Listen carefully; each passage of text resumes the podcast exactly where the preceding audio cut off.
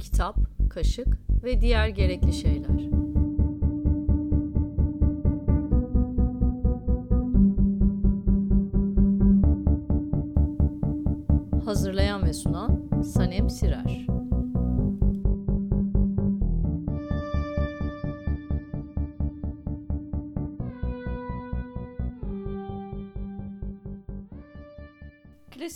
Niçin okumalı? Kitap, kaşık ve diğer gerekli şeylerin bu bölümünde hem Batı'da hem de Türkiye'de yeniden popüler olmuş bir yazardan, Stefan Zweig'dan ve modern klasiklerinden bahsedeceğiz. Konuğumuz editör ve çevirmen Elif Öztarhan Karadoğan.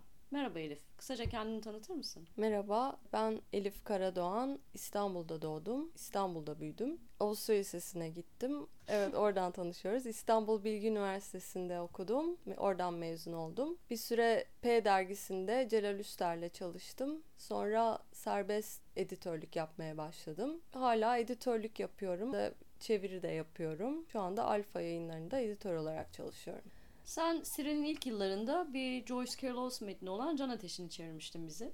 Şimdi Alfa'dasın e, ve uzun yıllardır bu sektörde emek veriyorsun. Hem Hı. Almanca hem İngilizceden çeviri yapıyorsun. Evet. Bize biraz çalışma alışkanlıklarından, tercihlerinden, editörlükle çevirmenliğin beraberce nasıl yürütüldüğünden veya yürüyüp yürümediğinden veya da metin seçerken nelere dikkat ettiğinden bahseder misin? Almanca çeviriye aslında sonradan başladım. İlk, ilk çevirim dediğin gibi Joyce Carol Oates'un İlk çevirim e, miydi canım? İlk çeviriydi. E, İngilizceden yaptım. Sonra... Zor da bir çeviriydi ve güzel güzel çok güzel bir metindi. Çok evet çok evet. sevdiğim, çok severek çevirdiğim bir kitap Hı-hı. oldu. Arkasından Almanca çevirilere Zweig'la başladım. Evde çeviri yaptım her zaman. Şimdi yeni editörlük e, profesyonel hayatımda e, değişik bir deneyim oluyor. Çünkü e, editörlük biraz daha çeviriye yukarıdan bakan bir konumda.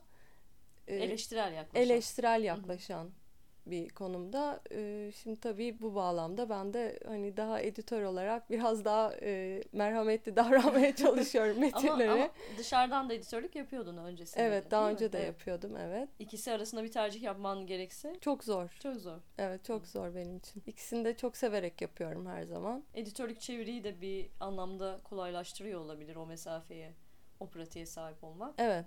Öyle yani ilk başta evet zaten çeviriyi hani bazı yerlerde ben bunu daha iyi yapabilirim dediğim noktada zaten artık niye çeviri yapmıyorum diye düşünmeye başladım ve ondan sonra hani arka arkaya üç tane Zweig çevirdim. Hangi ee, metinlerdi bunlar? İlki me- bir meçhul bir kadının mektubuydu. Meçhul bir kadın. Ondan sonra bir kadının yaşamından 24 saat. En sonda Yakan Sır. Yakan Sır yayınlandı mı? Yayınlanmak üzere. Yayınlandı. Matbaada şu anda.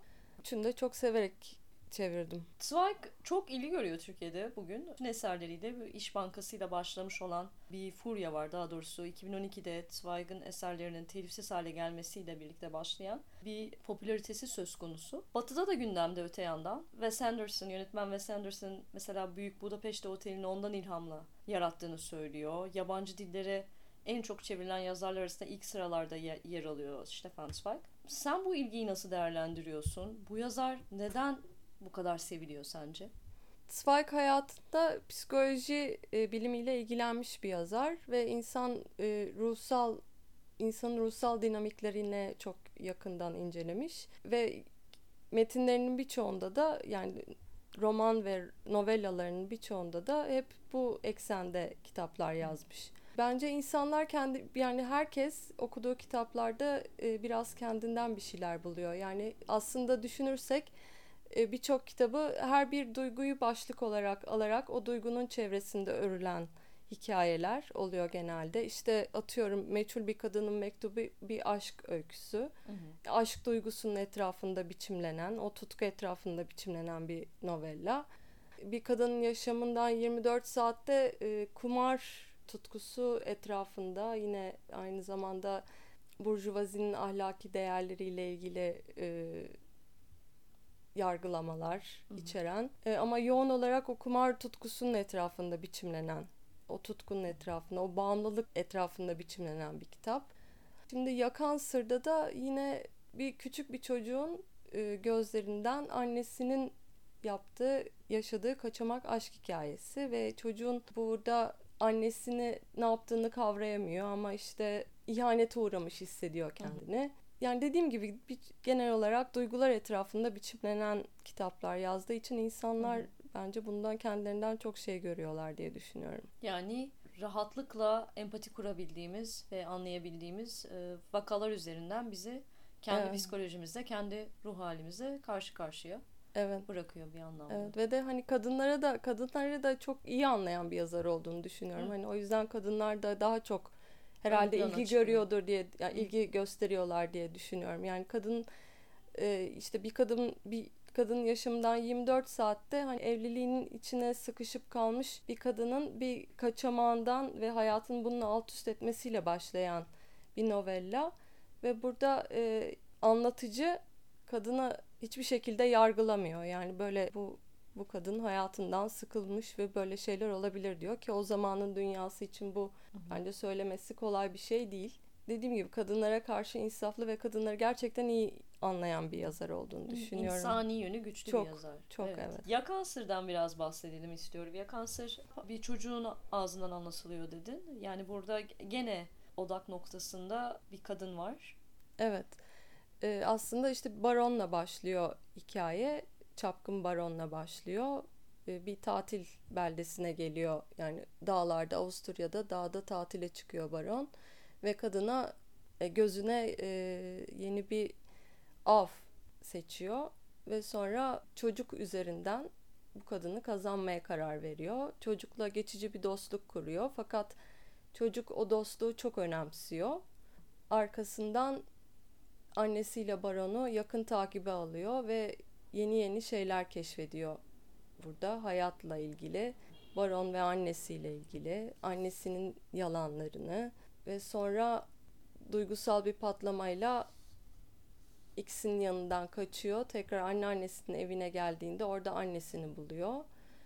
Yaptığı şeyden orada yani işte duygusal patlama derken bir, bir kabahat işlediğini bir kabahat Aha. işliyor orada annesine yani burada hani ne kadar açmalıyım şimdi bilemedim çok, romanı. Çok da açmamalı çok da şey vermemeliyiz. Evet vermemeliyiz. Evet. Ee, yani sonunda işte bu e, annesiyle tekrar barışıyor diyelim.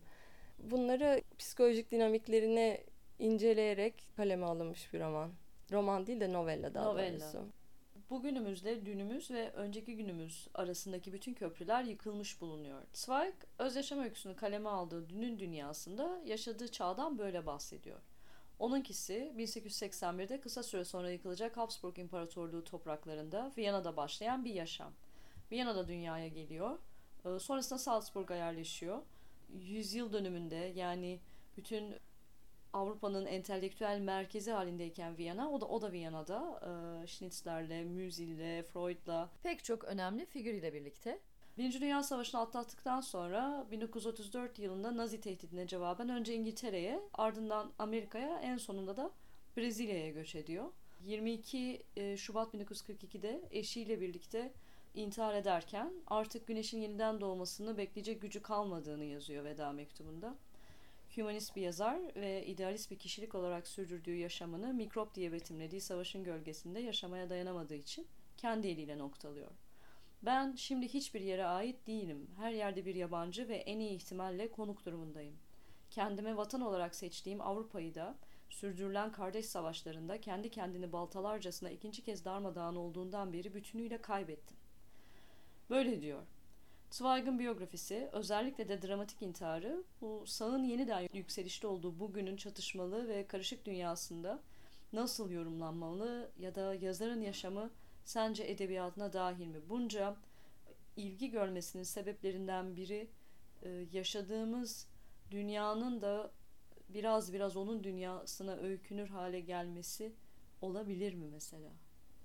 Ee, evet e, Zweig'ın aslında kitaplarında çok yani bilmiyorum çok hani iddialı bir lafta etmek istemiyorum ama genelde savaştan bahsetmiyor. Hı. Daha doğrusu tek romanı Sabırsız Yürek'te savaşın arifesinde gerçekleşen olaylar kaleme alınmış. Ama genelde barış ortamlarında geçen kitaplar. Biyografilerini söylemiyorum, novellalarından bahsediyorum. Ee, bir de pardon Şah Novelle 2. Dünya Savaşı'nda Doğru, evet. Gestapo tarafından tutsak edilen bir adamın hikayesi. Türkçe'de satranç. Evet, dünyamız yavaş yavaş tekrar aynı e, şeyi tekrarlıyor gibi, tarihi tekrar ediyor gibi bir durum var ama bilemiyorum. Yani Zweig çok hümanist bir yazar, çok hayal kırıklığına uğramış. Yaşadığı dönem iki tane dünya savaşı görüyor. İkincisinde evet. de artık tamamen umudunu yitiriyor. Bunlar çok anlaşılır şeyler ama bildiğim kadarıyla biraz kendisi birçok hayatın birçok döneminde intiharı sorgulamış bir yazar. Bir ee, seçim ilk, olarak intiharı. Evet. Hı hı. ilk evliliğinde de Frederike ile de bildiğim kadarıyla e, ilk ikinci karısıyla yaptığı şeyi tek yani ilk onunla yapmak istemiş bildiğim kadarıyla. Hı. Gel birlikte intihar edelim demiş. Ardından sonra ne olmuş? E, tabii Frederike kabul etmemiş. Sonunda ikincisinde ikinci karısıyla birlikte intihar etmişler. E, yani biraz tabii bu e, yazarın kişisel e, ruh durumuyla da ilgili bir şey. Ben o kadar karamsar bakmamalıyız diye düşünüyorum. E, yani umarım yani elbette büyük bir yıkımın geldiği açık ama güzel günlerde gelecek diye umuyorum. Yani sanırım e, şimdi bu e, kaydı yapmadan önce intihar mektubunu okudum tekrar. Çok ölçülü yani duygusal bir mektup olduğunu söyleyemem. Öyle ölçülü kaleme alınmış. Yani bir hakikati beyan edercesine, bir duygusal gerçekliği haykırırcasına veya bir isyan ortaya koyarcasına değil de bir, bir seçimi e, beyan edercesine yazılmış bir mektup. Artık gücünün kalmadığını söylüyor. Yani bundan sonrası için ben daha fazla uğraşmayacağım ama siz devam edin gibi bir, bir örtülü mesajı var aslında. Evet aslında orada bir kendisi de hani bir umut görüyor yani aslında ama kendisi kişisel hani, seçim olarak dediğin gibi e, kendisinin gücü kalmamış. Yani benden hmm. bu kadar dediği e, bir mesaj. Akabinde de Salzburg'daki evinin önündeki tökezleme e, taşını gördüm. Hatta sana gösterdim şimdi biraz önce. Bu tökezleme taşları bilen biliyordur. Avrupa'daki en büyük soykırım anıtı olarak geçiyor. Küçük kare taşlar Naziler tarafından öldürülen veya yerinden edilen Yahudilerin yaşadığı bilinen evlerin önünde o kişinin adı, doğum tarihi, kampa gönderildiyse gönderildiği, kampa gönderilme tarihi ve ya eğer, da kaçtığı tarih. Ya da kaçtığı tarih veya işte akıbeti neyse yani ne şekilde e, yaşamını sonlandırdıysa veya nerede e, öldüğü, hayata veda ettiği biliniyorsa, öldürüldüğü bunlar yazıyor kısaca. Çok çok etkileyici bir bir şey aslında. Yani çok dikkat etmeyen, dikkat etmeden yürüyen birinin öylece geçebileceği ama dikkat etmeye başladığınız anda belli şehirlerde özellikle e, her köşede e, insanların hayaletlerini, katledilen insanların hayal, hayaletlerini görmenizi sağlayan çok çok etkili bir çalışma olduğunu düşünüyorum. Zweig'inki şöyle, doğum 1881, kaçış 1934, İngiltere, ABD, Brezilya, ölüme kaçış 1942 Petropolis. Zweig'in metinlerine olan düşkünlük bilemiyorum belki de bunların adeta birer tökezleme taşı gibi bize onun dünyadan ayrılma biçimini de anımsatmasından olabilir diye düşünüyorum. Bu muhakkak intiharı ve yaşadığı çağ edebiyatının da bir, bir parçası ve şu anda bugünlerde yeniden gündeme gelmiş olması elbette bir, bir sürü faktörden bahsedebiliriz. Yayıncılık operasyonuna dair bir sürü şeyden bahsedebiliriz ama yeniden geçerlilik kazanmış olmasının gerisinde de çağın uyandırdığı dehşetin bir tür gölgesi olsa gerek. Sen ne diyorsun? Ee, olabilir. Ee, evet. Genel olarak sen e, bir Zweig sever olarak tanımlar mısın kendini? Evet tanımlarım. Benim Tanımlarsın. ilk edebiyatla ortaokulda yani ilk edebiyatı sevmemi sağlayan yazarlardan biridir. Sabırsız yani o zaman varlık yayınlarından acımak olarak Hı-hı. yayınlanan işte tek romanı e, Sabırsız Yürek'le ben Zweig'i tanıdım. E, sonra da Meçhul bir kadının mektubuyla devam ettim Zweig okumaya. Onu da aslında bir e, sinema yapıtıyla Max Ophül'ün 1948'de çekilmiş bir filmiyle e, meçhul bir kadının mektubunu fark ettim ve sonra onu da okuyup çok sevdim ve arkasından birkaç kitabı daha geldi. Edisyonu hatırlıyor musun? Can yayınları mıydı yoksa varlık mıydı? Çünkü ben ben sanki Can'dan okudum. Diye. Almanca okudum ha, ben. Almanca okudun. Evet. Orijinalinden okudum diyorsun. Ben ben Türkçe okumuştum meçhul bir kadının mektubunu ama e, emin değilim can yayınları diye düşünüyorum. Ama okuduğum sanırım Yürek Çöküntüsü e, ve sonra Amok Koşucusu'nun dahil olduğu bir hikaye kitabıydı. Bugün şöyle bir fark var. E, bütün bu küçük novellalar müstakil birer kitap olarak ayrı ayrı tek başlarına yayınlanıyor ve birçok yayın evi tarafından yayınlandığı için tüm bunları bir arada e, bu yazarın sağlığında yayınlamış olduğu şekilde tahayyül etmek biraz zor. İşte geçmişe dönmemiz, işte varlıkmış, canmış, cemmiş, işte telifin hala e, geçerli olduğu e, ya da en azından işte her bütün yayın evlerinin birazdan farklı edisyonlar hazırlamadığı bir dönemi hayal etmemiz gerekiyor. Peki en sevdiğin Zweig metni desem zor mu? Dediğim gibi meçhul bir kadının mektubundan ben çok çok etkilenmiştim. Evet hani belki de lise çağında okuduğum bir kitap Hı-hı. olduğu için işte orada da bir kadının platonik aşkı etrafında şekillenen bir metin Hı-hı. o da. Kadının ağzından ve Kadının mektup formatında. ağzından ve mektup Hı-hı. formatında evet. E, tutku dolu bir kitap. Hı-hı. Ama e, tutkunun nesnesine de saygılı aynı zamanda. Ona her zaman alan bırakan hatta fazlasıyla bırakmış e, kadın.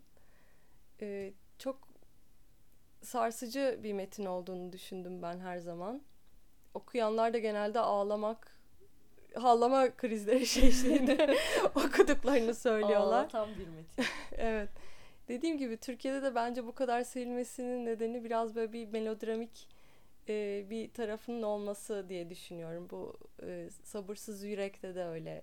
E, işte e, tekerlekli sandalyeye mahkum bir kızın işte kıza adam acıma acıyarak gitgide hayatını o kıza göre o acıma duygusu etrafında Hı. şekillendiriyor. En sonunda o kadar e, çıkılmaz bir hal alıyor ki bu kaçmaktan başka çare bulamıyor adam. Hem sevilmesin hem de sevilmemesin nedenleri bence biraz o melodramik ha, ona, ona gelecek. E, evet. şeyi diye düşünüyorum ben metinler olması diye abartıya, Evet, abartıya bir, meyilli. Evet, çok çok abartıya meyilli. Zweig tabii. Hep e, uç noktalarda, her şey uç noktalarda. Bu kadının işte bütün hayatı boyunca aşkını kendisine saklaması. Ee, işte bir kadının yaşamındakinden 24 saatte o orada da yine bir başka bir tutku yine orada da uç noktada bir e, kumar tutkusu ve başka bir kadının o kumar bağımlısı gence duyduğu tutku e, ve bunlar hepsi uçlarda gerçekleşen şeyler. Hani siyahlar ve beyazlar ama grilerin çok da belirgin olmadığı evet. e, karşıt e, Evet ama her zaman hep metinler hep merhametle, hep anlayışla hmm. yaklaşıyor. İnsancıl. İnsancıl. Hiçbir zaman yargılayan bir pozisyonda değil. Hep hmm. yani o insan o atıyorum tırnak içinde işlenen kabahatler her zaman ya da yaşanan bütün duygular her zaman anlatılıyor oku, okuyucuya. Neden öyle olduğu. Hep. Kabul edilebilir evet, teker, ve teker, gerekirse evet. affedilebilir. Evet, nitelikte. aynı şekilde. Anlaşılabilir en azından affedilmese bile. Evet, e, Zweig'ın seveni olduğu kadar Zweig'dan haz etmeyenler de var. Bunlardan biri e, şair ve çevirmen Michael Hoffman. Hoffman son derece zehir zemberek bir dille kaleme alınmış bir makalesi de var. Konuda yazdığı söylediği pek çok şey var. Ama e, en aykırı söylemi o benimsiyor Zweig'a karşı. Ve ondan Avusturya Edebiyatı'nın Pepsi'si diye bahsediyor. Yani burada söylemeye çalıştığı şey benim anladığım kolay tüketilebilen bir e, metinler kaleme alması üzerinden ve elbette e, popülaritesine yanıt olarak, popülaritesine tepki olarak böyle bir böyle bir ithamda bulunuyor. Hoffman önemli bir çevirmen, önemli bir Almanca çevirmeni. Bunun yanı sıra da sivri diliyle kanıksanmış tanınan bir isim. Yani bu bu beyanları ayrıca tartışmaya açık. Ben işte az evvel söyledin aslında ama sence çevir, çevirmiş bir isim de olarak Zweig'ı bu yazarın güçlü ve zayıf yanlarının neler olduğunu sormak isterim sana. Yani evet e, insancılığını konuştuk. duygular üzerinden ilerlemesini, empati kurabileceğimiz, araştırabileceğimiz, analitik bir biçimde bir takım şeyleri e, ortaya koyabilen ama işte duygusallığından da ödün vermeyen bir yazar olduğunu konuştuk. Zweig çevirmek nasıl bir deneyimdi çevirmen için? Hele de başka çevirmenlerin de aynı metinlerle uğraştığını bilerek Zweig'ın güçlü yanları sence neler, e, zorlu yanları, zayıf yanları sence neler ve Zweig'ı neden okumalıyız ya da okumalı mıyız? Ee, yani çevirmenlik aslında biraz metini e, ameliyat masasına yatıran bir tarafı var çevirinin. Hı. İnce ince inceleyip, bölüp, birleştirip e, bir bilmece gibi e, bir tarafı var. Zweig metinleri bu bağlamda çok hoş ve akıcı bir dili var Zweig'ın. Çok dediğim gibi akıcı bir dili var. Böyle çok insanı yormayan cümleleri var. E, Almanca e, yapı itibarıyla e, çok çok çok çok uzun cümlelere yani çok çok müsait. fazla kullanılıyor. çok fazla müsait bir, bir dil olmasına rağmen Zweig bunlardan genelde kaçınıyor gibi. Çok rahat okunuyor kitapları. Bilmiyorum belki de Michael Hoffman biraz bu yüzden de sevmiyor olabilir diyor ama yani çok e, kendisine çok katılmıyorum ben. E, çünkü Zweig yani bu kadar yıldan sonra hala geniş okur kitleleri tarafından çok seviliyor. E, yani öyle tarihin sayfalarına gömülüp gitmiş tüketilmiş bir yazar değil, olmadığını hmm. kanıtlamış bence. Bunun da sebepleri dediğim gibi çok güçlü psikolojik romanlar yazıyor. E, psikolojik dinamikleri çok güzel bir şiirsellikle kaleme alıyor. Ve insanları yani hayrete düşüren bir devamlı şaşırtan olay kurguları var. Bütün olay kurgu yani şaşırtıyor insanları devamlı. Bunlar güçlü tarafları olduğunu düşünüyorum Zweig'ın. Ee, hani zayıf olarak nitelendireceğimiz tarafı da hani belki e, evet böyle bir popüler olabilecek biçimler yani bir, melodramik hikayeler seçiyor olması belki. İşte e, insanlığın yıldızının parladığı anlar mıydı hatırlamıyorum şimdi Sternstund'un der Menscheid'da.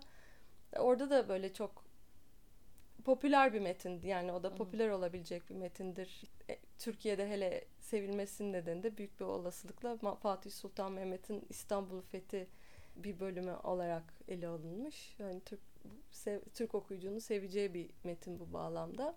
Diyanar'ın çok satanlarında şu anda 3 Zweig metni var. Bunlardan biri bilinmeyen bir kadının mektubu. Diğeri olağanüstü bir gece. Sonuncusu da satranç ilk onda yer alan. Üçü de İş Bankası'nın edisyonları. Bunlardan mesela bilinmeyen bir kadının mektubu Ahmet Cemal çevirisiyle ilk baskı yılı 2012. 2018'in son aylarındayız. Yani bu gerçekten enteresan bir şey. Bir kitabın çok satanlar listesinde hem de bu kadar çok emsali de varken yani farklı farklı çevirileriyle farklı farklı yayın evlerinden çıkan onlar da çünkü ayrı e, satış performansları gösteriyorlar kendi içlerinde o şekilde düşünürsek yani tek bir başlık altında bir sürü varyasyon var. On, onları da toplarsak daha da çok satıyor aslında. Bu kadar uzun zaman kalması hakikaten e, şaşırtıcı ama bu sadece de burada Türkiye'de belli bir operasyon uyarınca belli bir e, satış operasyonu uyarınca bir yol çizmiş bir yazar bu telifsiz hale geldiğinden beri ama bütün batıda en azından işte Amerika'da da Avrupa'da da Zweig'a yönelik ilginin artmış olduğu biliniyor. Yani o yüzden o yüzden Michael Hoffman Zweig'dan bahsetme gereği duyuyor veya bu konuda Doğru. fikir beyan etme gereği duyuyor. Çünkü yaşamıyor olmasına rağmen bir de şöyle bir şey var tabi yaşayan yazarların rağbet gördüğü bir ortamdayız esasında. Yani klasikler her zaman klasik. Elbette klasik oldukları için zaten tartışılmazlar. Onlar hakkında konuşmaya gerek dahi yok. Fakat birdenbire klasik çerçevesinden yeni çok okunanlar, çok listesine okunanlar geliyor. listesine zıplayan bir yazarla karşı karşıyayız ve bu yazar işte konuştuğumuz gibi ilginç bir biyografisi var. Avrupa'nın en kötü günlerine şahit olmuş bir yazar. Ee, kendi yazınında bunları belli bir biçimde, belli bir çerçevede ele almış. Bu açıdan da yani sevelim sevmeyelim kayıtsız kalınmaması gereken, neden bahsettiği, nasıl bahsettiği ve elbette yaşam öyküsüyle göz önünde bulundurulması gereken bir yazar. Evet, ben sana genel anlamda kapatmadan önce klasikler hakkında bir şey sormak istemiştim. Mesela e, Calvino'nun klasiklerini için okumalısına bakıyordum e, makalesine. E, burada Calvino bir klasiğin tanımı için bir takım maddeler öneriyor ve kendisi bu maddeleri tartışıyor.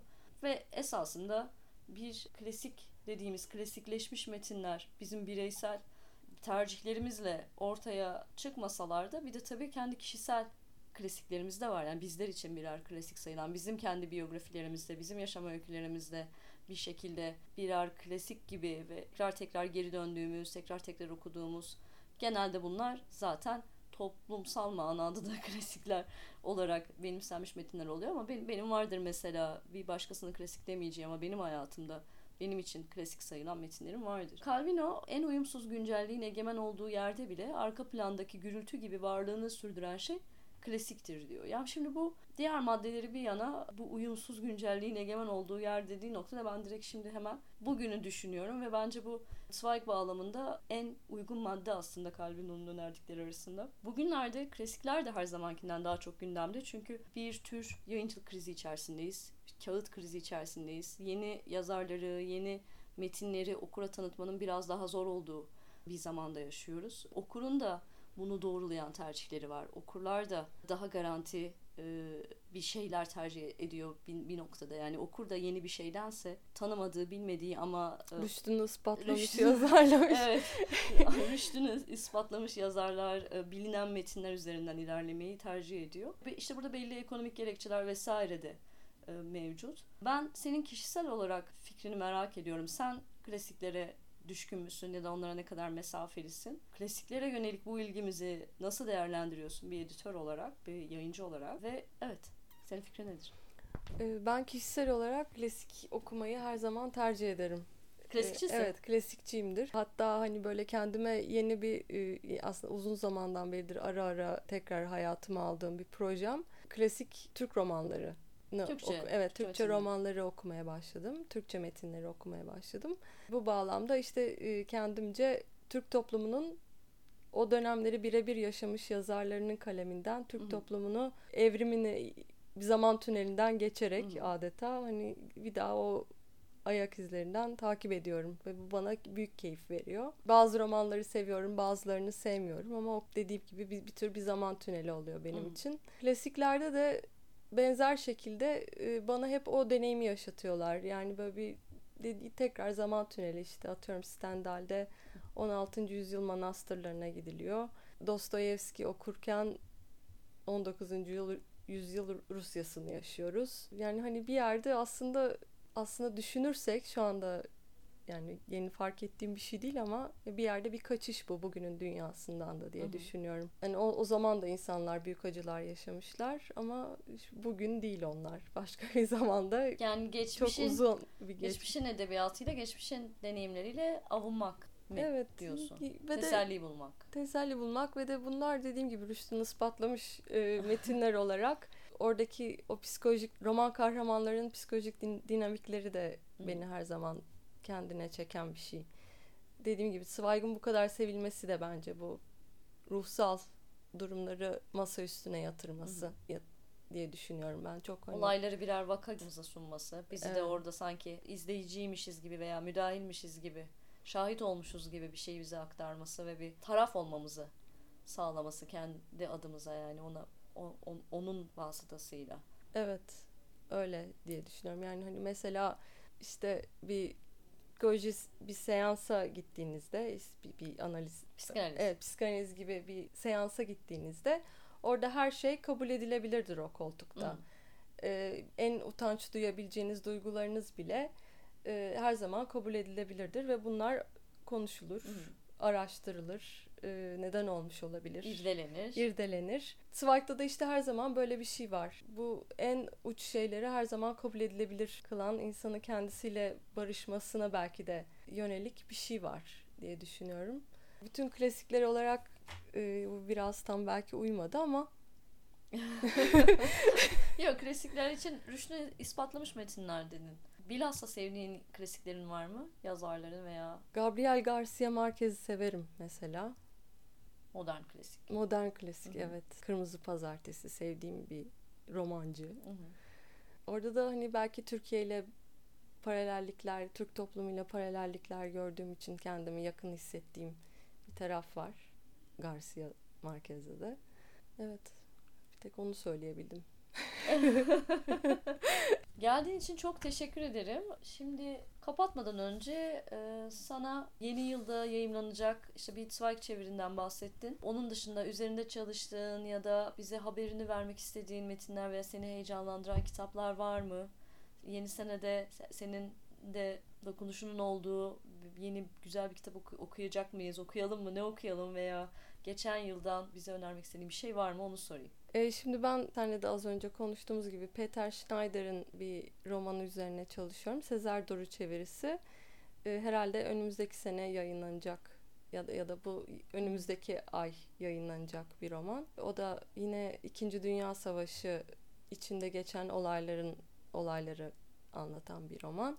Bunun dışında Alfa yayınlarından tekrar e, Joseph Roth külliyatı e, Ah. yayınlanmak Çok üzere. benim mesela çok sevdiğim bir yazar. Zweig'den daha çok sevdiğim. Zaten. Zweig'ın da çok yakın arkadaşıymış. çok Evet, yazar. Zweig'ın da çok koruduğu bir yazarmış. Ee, Zweig kadar çok okunmayan bir yazar maalesef. Külliyatı yayınlayacaksınız. yani önce parça parça başlayacak, Hı sonra arkasından e, bütün külliyat hedef. Çok çok güzel haber. Çok sevindim. Ben ilk, ilk okur ben olacağım.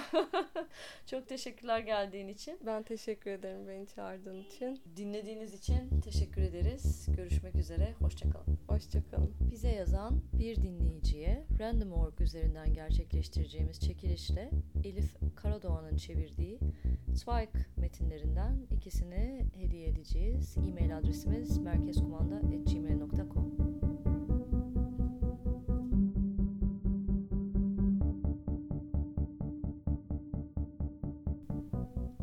Kitap, kaşık ve diğer gerekli şeyler.